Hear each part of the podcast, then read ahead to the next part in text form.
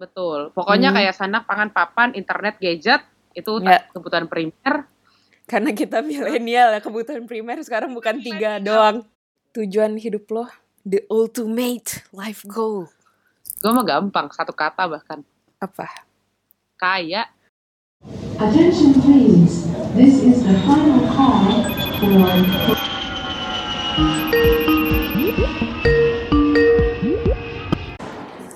Hai Bu. Halo, Nek. Ya, selamat malam waktu Jakarta. Selamat sore waktu Munchen. Balik lagi di LDR. Long distance rumpi with Yohan. Dan Debbie. Gue nunggu disebut gitu Lo loh, Bu. gue kira lo mau nyebut nama gue, ternyata lo PHP. Kan selalu menyebutkan nama masing-masing tuh. Gimana ya? Mohon maaf nih. Eh, Oke. Kita di episode eh, ke-8 ini bakal ngobrolin apa nih, Deb? kita bakal ngobrolin tentang konsep sukses buat diri kita masing-masing. Terus kayak finding Iya. ourselves dan life goals. Yes, karena konsep sukses itu kan eh, menurut gue pribadi kayak konsep cinta. Jadi semua orang itu punya konsepnya masing-masing. Pengertiannya mungkin sama, maksudnya kira-kira sukses tuh gimana, Hmm. eh, ya sama cinta tuh kayak gimana bentuknya gitu. Tapi Ya. pengertian orang, opini orang tentang itu eh, kan beda-beda gitu. Kayak itu personalized juga ya buat tiap orang kayak gimana. Exactly. Grab, gue punya pertanyaan pertama nih Apa nih? buat lo. Eh, coba gue pengen tahu tujuan hidup lo itu apa? Dalam satu frasa aja. Kalau ditanya gitu. Tujuan- Jangan satu kata. Kalau satu kata kan susah kan. Kayak satu frasa aja. Hmm, Tapi kayak satu frasa lo juga nggak kayak 10 kata. Dia kayak satu kalimat, mohon maaf tuh.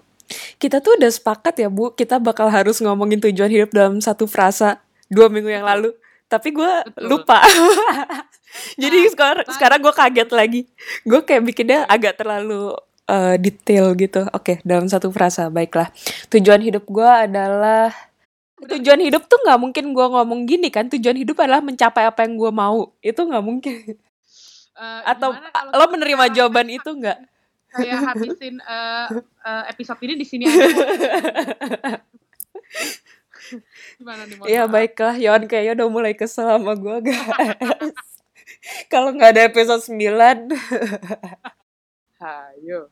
Ayo. tujuan hidup gue dalam satu frasa adalah tentu aja kan tadi lo bilang nih, eh, sukses itu buat tiap orang beda-beda. Dan itu adalah mencapai sukses versi gue, which is kayak gue tuh pengen eh, hidup gue balance dan tidak terlalu banyak penyesalan di akhirnya nanti. Oke. So, balance and few regrets. No regrets mah kalau bisa. Kalau bisa no regrets ya, tapi Iya. kayak itu kan agak mustahil, mohon maaf Mbak.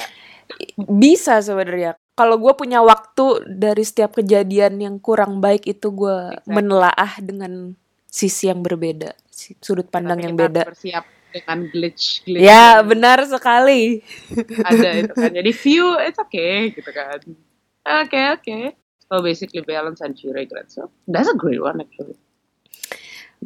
Tujuan hidup lo, the ultimate life goal. Gue mah gampang, satu kata bahkan. Apa? Kaya. Anjir.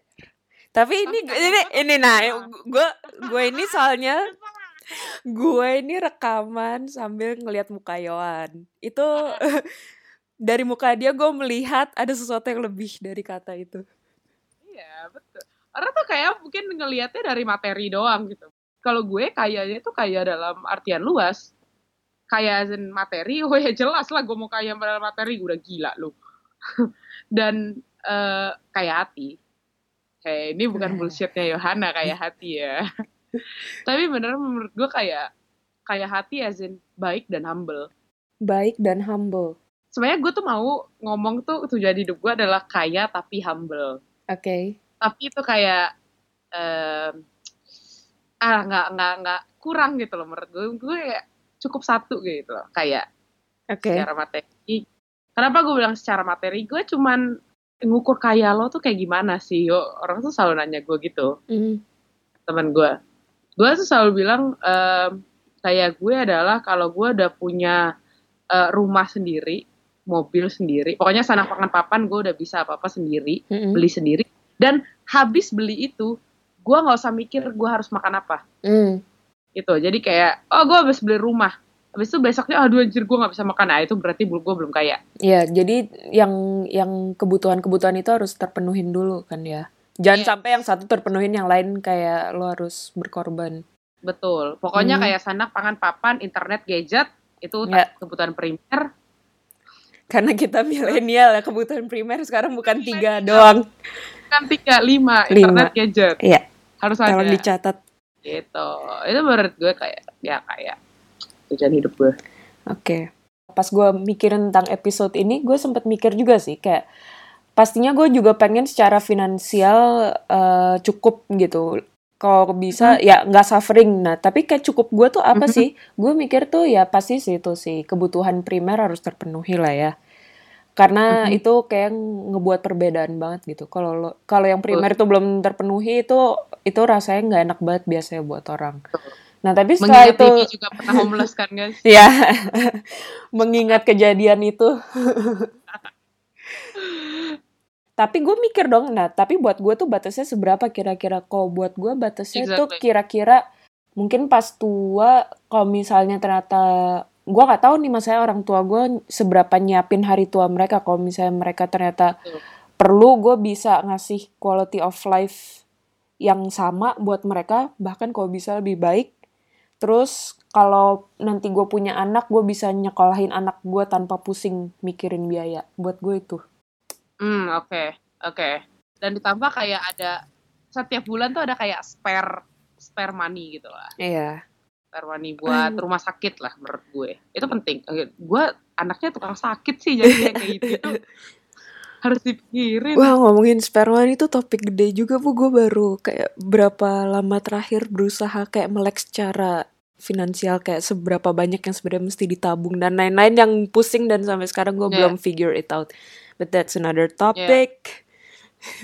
Ya, basically, but but basically the same sih. Apalagi buat kita yang umur eh eh, 20-an awal ini, enggak sih kita 20 tengah sih tepatnya. Maksudnya let's say kit kalau kuliah apa lulus kuliah normal eh berarti 22 ya. Ya 22 23 Iya. sampai 26 itu tuh kayak lagi karena kita kan lagi juggling anggaplah kita kuliahnya normal ya DP Iya. jadi ya habis itu kerja dan sama jadi kan kita harus kayak wah gue udah mulai kerja nih gitu berarti gue harus eh, mulai spare eh, my money gitu untuk untuk ya itu tadi kebutuhan primer karena kerja udah kalau udah kerja expected to pay everything by yourself Iya. dan belum lagi untuk future ya Iya. yang nikah lah yang sekolah anak lah yang eh, tiket konser lah sorry gue harus masukin itu Kebutuhan Yang gak terduga sakit. Iya, kebutuhan tak terduga, lupa gue. Sakit dan segala macam misalnya apa pun itu gitu loh.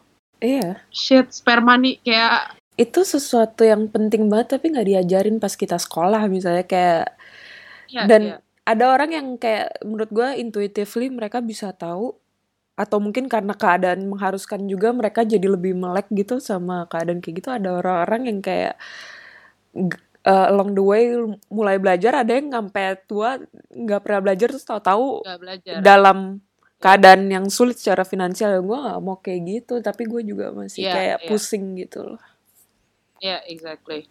Kalau gue kalau gue eh, cara barometer ngitungnya tuh cuman ini. Kalau untuk sekarang ya eh, umur yang masih tak punya uang tapi ingin, ingin bergaya tuh kayak gini. Eh, gue habis beli tiket konser atau tiket festival bisa satu bisa nggak beli tiket itu. Kedua habis habis itu bisa makan apa enggak. Nah kalau kalau masih bisa makan, nah berarti that amount yang gue harus spare misalnya untuk bulan itu. Gitu loh. Hmm. Gue ngitungnya kayak kira-kira dari situ. Anjir. Berarti lo ada tabungan ini bu, ada tabungan yang lo Gua spare gitu. Ada ada. Sekarang sejak akhir tahun kam- lalu, gue kira bikin tabungan deposit gitu. Karena gue pikir ya walaupun kecil-kecilan banget, maksudnya setidaknya ada lah yang gue eh, tabung gitu loh. Dan dalam kok lo tepuk tangan sih karena karena oh ya oke gue yakin Debbie tepuk tangan karena dia tahu gue tuh seboros apa Bukan, karena-. Karena gue bangga sama lo. parah gue tahu gua nggak ada. gue. Gue nggak ada dan gue rasa kayak banyak yang belum ada juga yang orangnya kayak maksudnya keadaannya kurang lebih sama kayak kita tapi lo punya tabungan cuy apa lo gue pikir lo pas nggak ada gue semua pemasukan gue gue gunakan untuk hal-hal yang keluar lagi ya. Gue gunakan maksudnya semua pemasukan gue nggak ada yang tabungan yang bener-bener kayak untuk nggak terduga terus kayak kayak gitu-gitu nggak ada. Hmm. kayak tabungannya sifatnya untuk sesuatu yang gue keluarin lagi gitu. Misalnya kayak ya udah Oh, buat oke, gue jalan-jalan buat gue belanjain lagi. Nggak ada yang bener-bener kayak gue simpen itu nggak boleh dipakai. Gitu. dan itu makanya gue sekarang lagi kayak salah satu struggle gue kalau gue kan soalnya kan eh, gue tahu kayak setiap bank mau di mau di di eh, lokal internasional pokoknya di mana-mana itu pasti ada yang namanya tabungan deposit kan. Dan dia kayak biasanya ada aja kontrak yang kayak oke bakal ditarik setiap bulan dan lo nggak bakal nggak bisa pakai ini selama kontrak yang ditandatangani. Kalau gue mini, eh, minimal kan setahun jadi gue pikir oh ya udah coba-coba. Hmm. dan kenapa gue ngambil deposit dep sebenarnya Eh, ya itu memang satu gue pengen eh, nabung. Dua gue tahu gue borosnya luar biasa. Nggak bisa diambil ya kalau deposit? Jadi kalau atau? kalau misalnya at the end of the day gue bener-bener gak punya tabungan gila men gue udah 25 gitu loh. Iya. kayak cuy hidupnya mahal. Jadi kayak no no no I have to gitu. Jadi gue kayak that's how I limit myself uh, monthly gitu loh. Anjir gila Kalau- gue ya. Kalau gue sekarang lagi berusaha figure out, eh gue mikir itu duit bukan dalam bentuk tabungan tradisional, tapi kayak gue investasiin gitu. banyak sih sebenarnya anak-anak yang seumur kita yang eh jadi mereka muter uangnya dengan invest misalnya kalau di sini ada yang main reksadana, ada yang Iya. main saham walaupun sahamnya kecil-kecilan Yes. eh pokoknya those kind of uh, ways yang bisa muter uang gitu lah. ya Which menurut gue tuh uh, sesuatu yang bagus gitu loh. Maksudnya kayak main dari kecil-kecil kecil-kecil kayak Mhm. ya alhamdulillah kalau besar dan berhasil misalnya kalau main saham ya. Tapi kan kadang-kadang kan kalau kayak misalnya saham gitu kan nggak nggak terduga gitu kan. Iya. But but still kayak buat latihan dan segala macam oke lah. Gitu. Gitulah guys, kira-kira sedikit belok insight ke urusan masalah finansial dan Tapi ya, tapi itu ada hubungannya sama topik kita, cuy. Mencapai tujuan hidup. Fi- finding ourselves. Iya, iya. Coba, eh, lo kan punya tadi tujuan hidup lo adalah menjadi kaya dalam berbagai aspek gitu kan, gak cuma secara materi. Mm-mm. Kenapa lo bisa sampai punya tujuan hidup itu? awalnya gue itu mikir kaya as in materi doang Hmm. karena uh, call me shallow guys it's okay but karena uh, gue bisa bahagia kalau gue punya duit Hmm. gue tuh stres kalau gue gak punya duit tapi along the way uh, gue tuh selalu bilang gue mau jadi kaya tapi biasa aja. Misalnya banyak kan orang kaya yang tapi kayak oh sombong banget mau mau uh, menunjukkan kekayaannya dan segala macem gitu kan. Hmm. kayak orang tuh harus tahu dari ngeli noleh sekilas satu detik aja oh dia kaya gitu. Hmm. enggak gue yang kayak ya udah biasa aja gitu loh. Just be humble. Di atas langit ada langit gitu. Kalau mau sombong subtle aja dan kalau kayak hati pas kalau kayak hati itu lebih ke lately gue ngelihat orang-orang itu kok sombongnya luar biasa ya. Jadi gue tahu nggak gini membanggakan apa yang dia dapatkan sama menyombongkan apa yang dia dapatkan itu beda. Tapi itu sebenarnya memang juga balik-balik subjektif sih memang Nek ya. Iya. Nggak tahu, Bisa eh menurut gue sih. bisa jadi gue udah sensitive towards a person eh, but anyway Anyways. Jadi itu ya tadi dari awal lo punya tujuan hidup sampai kayak Ah. along the way uh, personalized ke lo dan tergantung dari pengalaman-pengalaman yang lo temuin juga. kalau lo kenapa lo bilang balance deh gue gue tadi penasaran maksud lo balance lo apa. Eh, gue belum Kalau- jelasin balance gue. no regrets itu I, I get it. I think we we all get it ya kan guys? Balance in which way? Balance itu maksud gue adalah mencapai sukses dalam berbagai aspek juga. Jadi sebenarnya agak agak ada miripnya sama lo. Misalnya kayak eh gue nggak mau cuma bener-bener excel di satu aspek doang. Misalnya apa ya? Misalnya gue jadi kaya banget jadi milioner tapi ternyata keluarga gue nggak aku bener gitu. Nah kayak gitu. Menurut gue itu nggak balance gue lebih baik yang balanced gitu. Itu ciri balance yang satu. Terus balance yang lain gue tuh akhir-akhir ini agak-agak inspired dari beberapa sumber. Untuk kayak lebih indifferent ke berbagai emosi yang ada di hidup gitu loh di dalam diri gue bukan ada di hidup. Gitu. Gimana, lebih gimana? lebih Coba, indifferent ke berbagai emosi yang ada di dalam diri gue misalnya gini kalau lagi seneng tuh orang bisa seneng banget dan kalau lagi sedih bisa sedih banget. Nah gue tuh lebih pengen kayak indifferent towards those happy Hmm. days. Tapi karena itu juga lebih indifferent towards sadder days kayak sadder times misalnya Oke. jadi kayak kalau misalnya gue lagi ada di bawah tanda kutip keadaan yang kurang ini gue mudah-mudahan juga bisa lebih eh, apa ya lebih mikir kayak oh eh, nanti gue nggak akan kayak gini terus oh ini dari sini gue bisa belajar kayak I gitu sih see. I see. Jadi kayak um, mem- apa ya? Balance all the feelings. Jadi kayak kasarnya atau gampangnya ya udah biasa aja. iya Kayak lebih kayak gitu pun lo seneng bakal sedih, lo sedih bakal seneng kok. Tapi kayak berapa lama ya udah gitu. Iya. Lo ada nggak? eh tadi kan kita udah ngomongin kayak life goal yang dalam satu frasa, berarti itu kayak udah mencakup banyak banget kan sebenarnya. Tapi kayak ini goals lo yang lebih konkret Kayak bucket list in my life gitu ya. semacam itu. Kalau the nearest bucket list is of course lulus kuliah. Karena gue udah capek kan sebenarnya kuliah. Hmm. pindah kuliah berkali-kali. Ya normal kayak maksudnya lulus kuliah dan dapat kerjaan yang memang gue suka gitu loh. Hmm. Itu dulu lah goals eh, paling utama gue. And then as cliche and as standard as it is, I wanna travel the world tuh.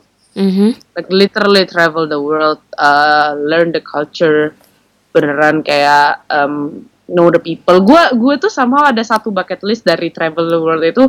uh, Gue lagi pengen kayak liburan yang bukan Iwan banget sebenarnya.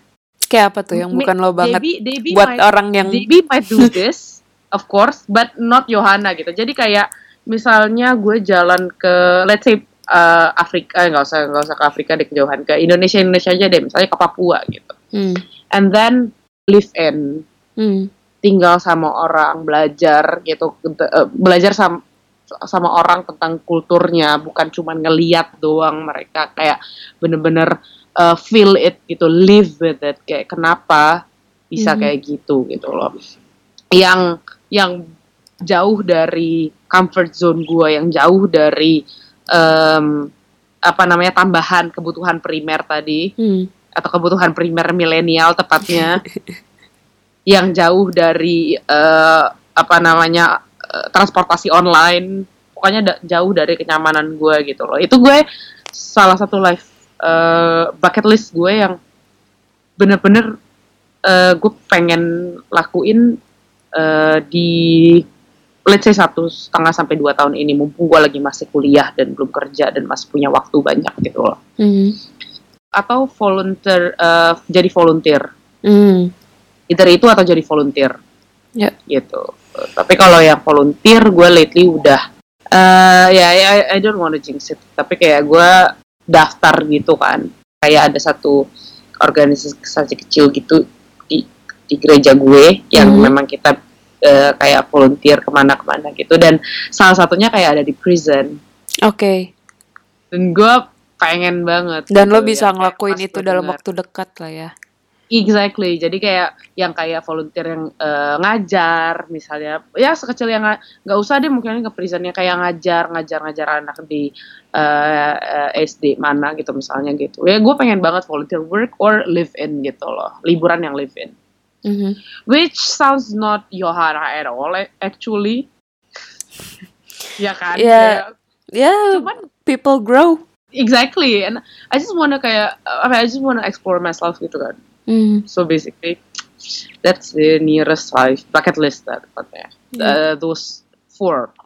Lulus kuliah, travel kerja. a lot travel a lot juga ada sih di bucket list gue maksudnya kayak Mhm.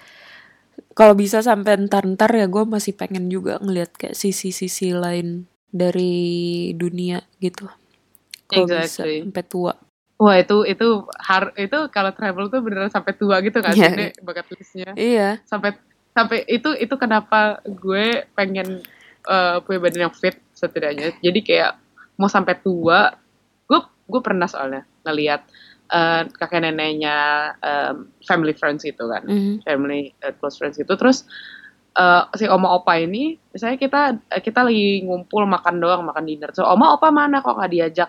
Oma opa lagi ke Amerika. Ngapain? Jalan-jalan sama teman-temannya. Asik ya cuy. Atau enggak misalnya oma opa lagi karaokean. Jadi kayak they they, live like in their 20s or 30s gitu loh Iya. Monday to Sunday. Nah, itu jadi goals gue yang kayak itu baru couple goals gue asik Iya sih, kayak lo udah udah pensiun, udah tua ya kan, udah tinggal nikmatin hidup dan lo bisa kayak ngelakuin itu sama pasangan lo itu goals banget.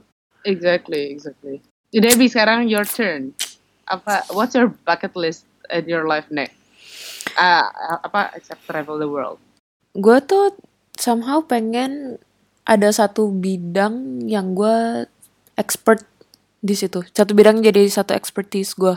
Menurut gue itu sulit juga sih. Kalau lo lihat instastory gue kemarin itu antara kayak kadang gue mikir mendingan ngelakuin banyak hal tapi kepecah-pecah atau kayak ngelakuin satu hal tapi fokus di situ. Tapi ini ini sesuatu yang gue terinspirasi dari orang-orang Jerman menurut gue. Orang Jerman itu menurut gue kayak mereka itu milih satu jalan buat mereka dan mereka tekunin banget banget Iya, sampai mereka jago banget di situ gitu.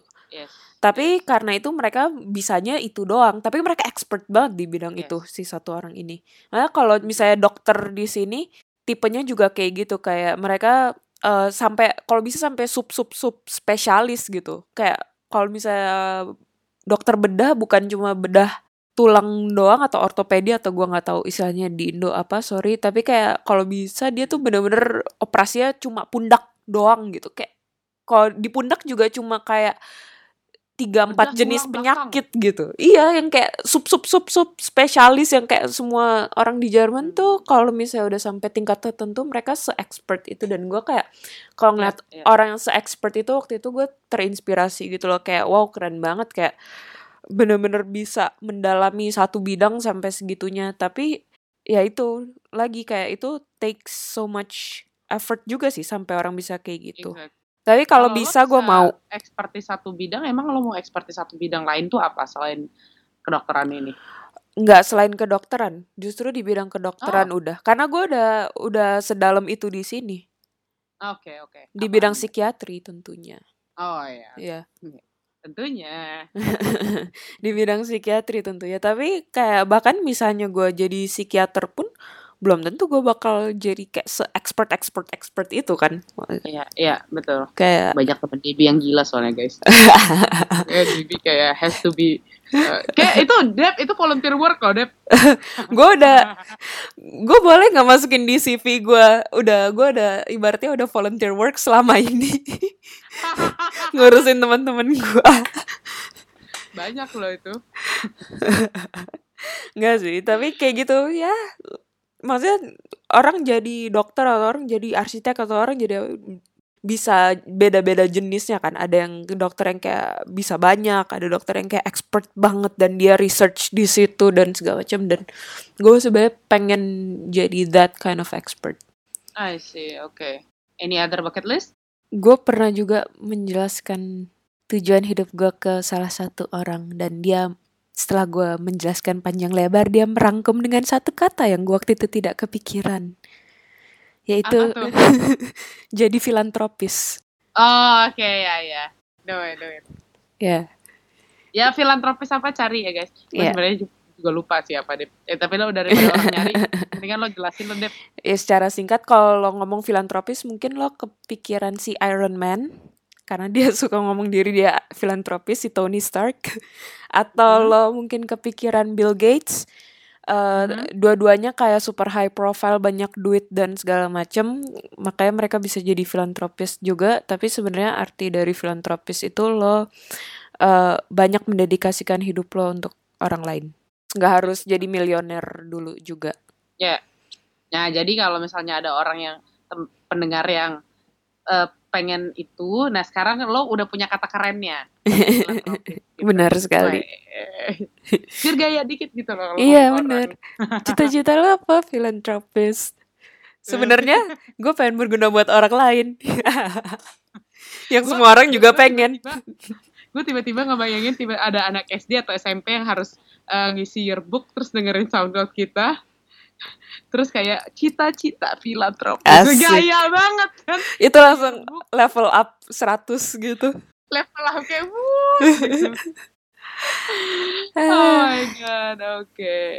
Anything tuh? Gue cuma nambahin dikit kayak walaupun di seumuran kita lumayan banyak yang kurang lebih jalan hidupnya udah mulai tertata dan udah mulai napak dan udah mulai kebayang tapi buat mereka yang belum tahu atau bahkan ada temen gue yang seumuran kita pun kemarin masih nelpon gue dan curhat segala macem kayak dia nggak tahu tujuan hidupnya apa daripada gue jelasin panjang lebar coba google ikigai i k i g a i itu adalah Venn diagram yang bisa membantu lo menetapkan Oke.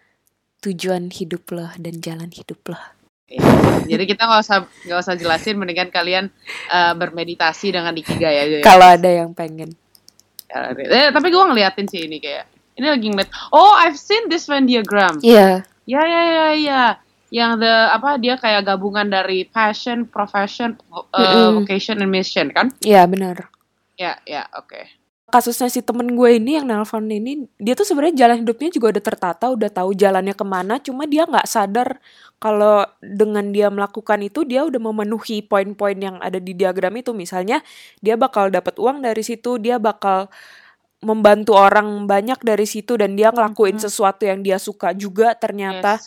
jadi kayak dia waktu itu sempat ngomong ke gue kayak anjir gue nih gue nggak tahu apa yang gue lakuin ini sebenarnya buat apa sih tujuannya gue nggak tahu nih gue kuliah gue ini buat apa terus kayak sebenarnya pas gue ngomong kayak gitu maksudnya kayaknya orang butuh tahu aja gitu loh kayak yang mereka lakuin tuh berguna buat orang lain yang mereka lakuin tuh kayak itu berguna buat diri mereka sendiri Hmm, hmm, dan hmm. kalau lo bisa nemuin sesuatu yang kayak gitu buat lo itu cukup lah nggak maksudnya kayak Ya, ya, paham, paham.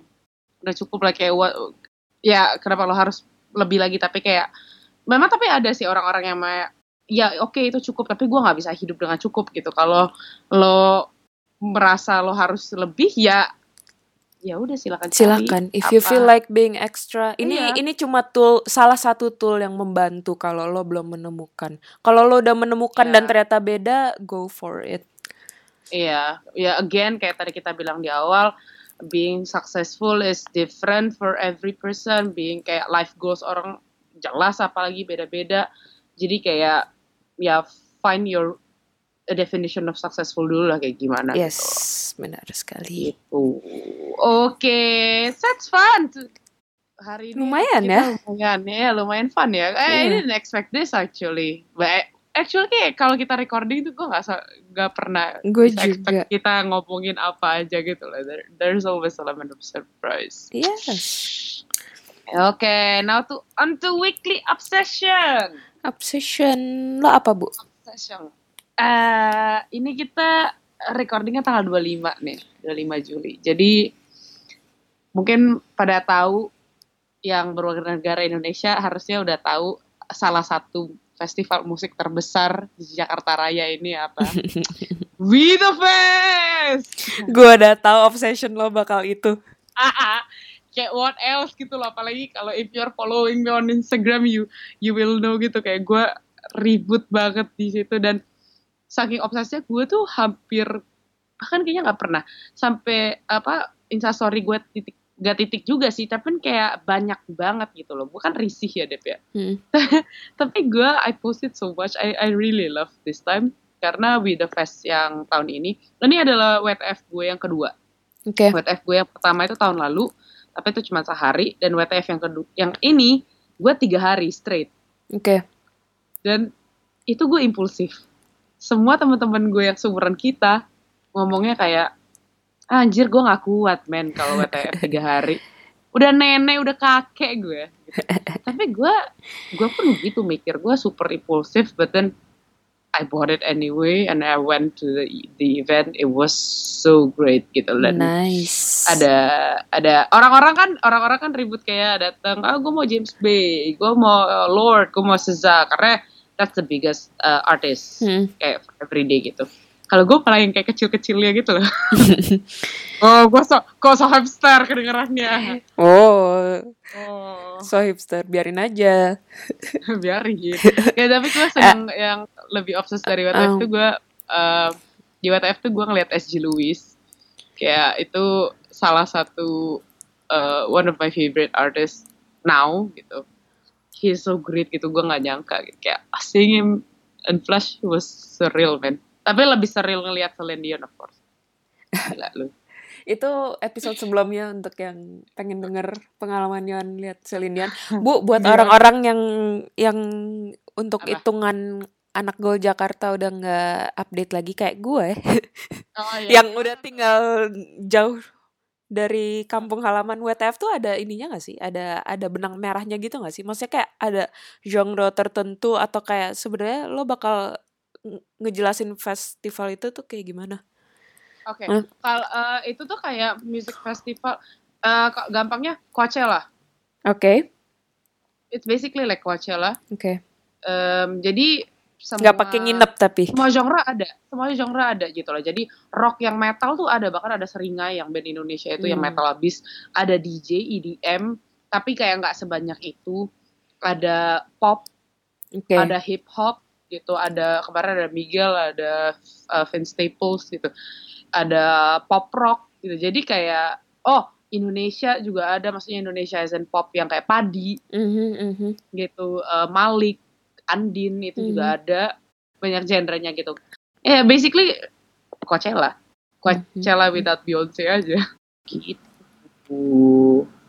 What's your obsession? My obsession. Summertime in Munich, it's ice cream time. Dan Oh God. FYI guys, Debbie dan ice cream itu kayak Yohana dan martabak. Ah, Gila dia bisa hampir tiap hari makan oh ya bener banget cuy. Dan sekarang lebih setingkat lagi, gue bukan tiap hari makan es krim beda-beda kayak dulu. Sekarang gue lagi terobsesi sama satu tempat es krim di Munchen. Namanya Apa? Bartu. Guys, kalau misalnya lo dari Munchen atau lo bakal Mau. ngunjungin Munchen, kayak lo harus banget makan es krim di Bartu please, enak banget. Apalagi yang New York cheesecake sama yang blueberry cheesecake. Please, gue udah bawa Oh dua orang ke sana dan semuanya gila. Dan kayak temen gue dari luar kota itu dia sampai kayak bela-belain balik ke situ lagi. Terus kayak gue ngajak Jordi ke situ dan dia bilang kayak kan gue bilang kayak oh my god New York cheesecake-nya enak banget. Terus kayak Jordi bilang kayaknya ini es krim terenak yang pernah gue makan di Even hidup gue ngalahin yang favorit gue itu. even ngalahin itu. Bu gue tuh gue segila itu sampai gue udah bolak balik ke situ kayak orang gila dalam seminggu terakhir. Terus kayak gue berusaha kehidupan sosial gue berputar di sekitar situ dalam artian gue kalau ngajak orang janjian sekarang ke situ mulu. Eh eh kita mau janjian ke mana? Eh makan es krim yuk. Terus biar gue ada alasan ke situ lagi ke situ lagi. Kemarin gue jogging ke sana. Jadi gue jogging jogging jogging nyampe depan tempat es krimnya gue beli es krim. Pulang. Gue segila itu enak banget Bartu ya Tuhan. Gue gak ngerti. Dan harganya tuh kayak harga es krim di Munchen tuh sekarang sekitar 1,3 euro satu scoop kalau tempat-tempat es krim yang agak lebih bagusan lebih high end gitu biasanya harganya satu setengah dan Bartu ini harganya 1,8 but it is so worth 1,8 euro dan itu rame as in ada segitu banyak orang yang bersedia mengeluarkan uang lebih mahal Makan untuk makan untuk quality. Bartu Gila, Bala Beni akhirnya ada yang ngalahin. ada yang ngalahin cuy Bala Beni ada yang I'm ngalahin. sorry. Wah, gila. itu obsession gue Tapi sumpah guys, ini kayak pas gue tadi dengerin lo nek, lo bilang kayak es krim, oke Debbie, oke New York cheesecake, oke Berry Debbie gitu. What can but not more Debbie than that gitu loh. Oh, oh my god. So, yeah. So, thank you so much yang udah dengerin. Yang udah dengerin Sampai sampai menit terakhir episode menit terakhir, thank you. We hope you can find your uh, meaning of successful in your life and life goal juga. Yes. Kalau misalnya abis ini ada yang mau ngasih insight mereka gimana dengan itu adalah bagian favorit gue bu by the way kalau misalnya kita habis ngepost episode terus kadang-kadang suka ada yang komen atau ada yang chat gue langsung gitu by the way Deb gue tentang percintaan gini-gini itu bagian favorit gue banget Oh iya, di Yes. gua kalau gua nggak pernah ada loh kayak guys. Beli kasih sih. Eh, tapi kayak gua gua mau shout out satu dong kayak buat bos gue di kantor yang udah dengerin episode eh, yang paling heboh itu. thank you. Pokoknya banyak kayak sebenarnya kita mau thank eh, thank you banget buat semuanya yang udah dengerin komen ke kita langsung.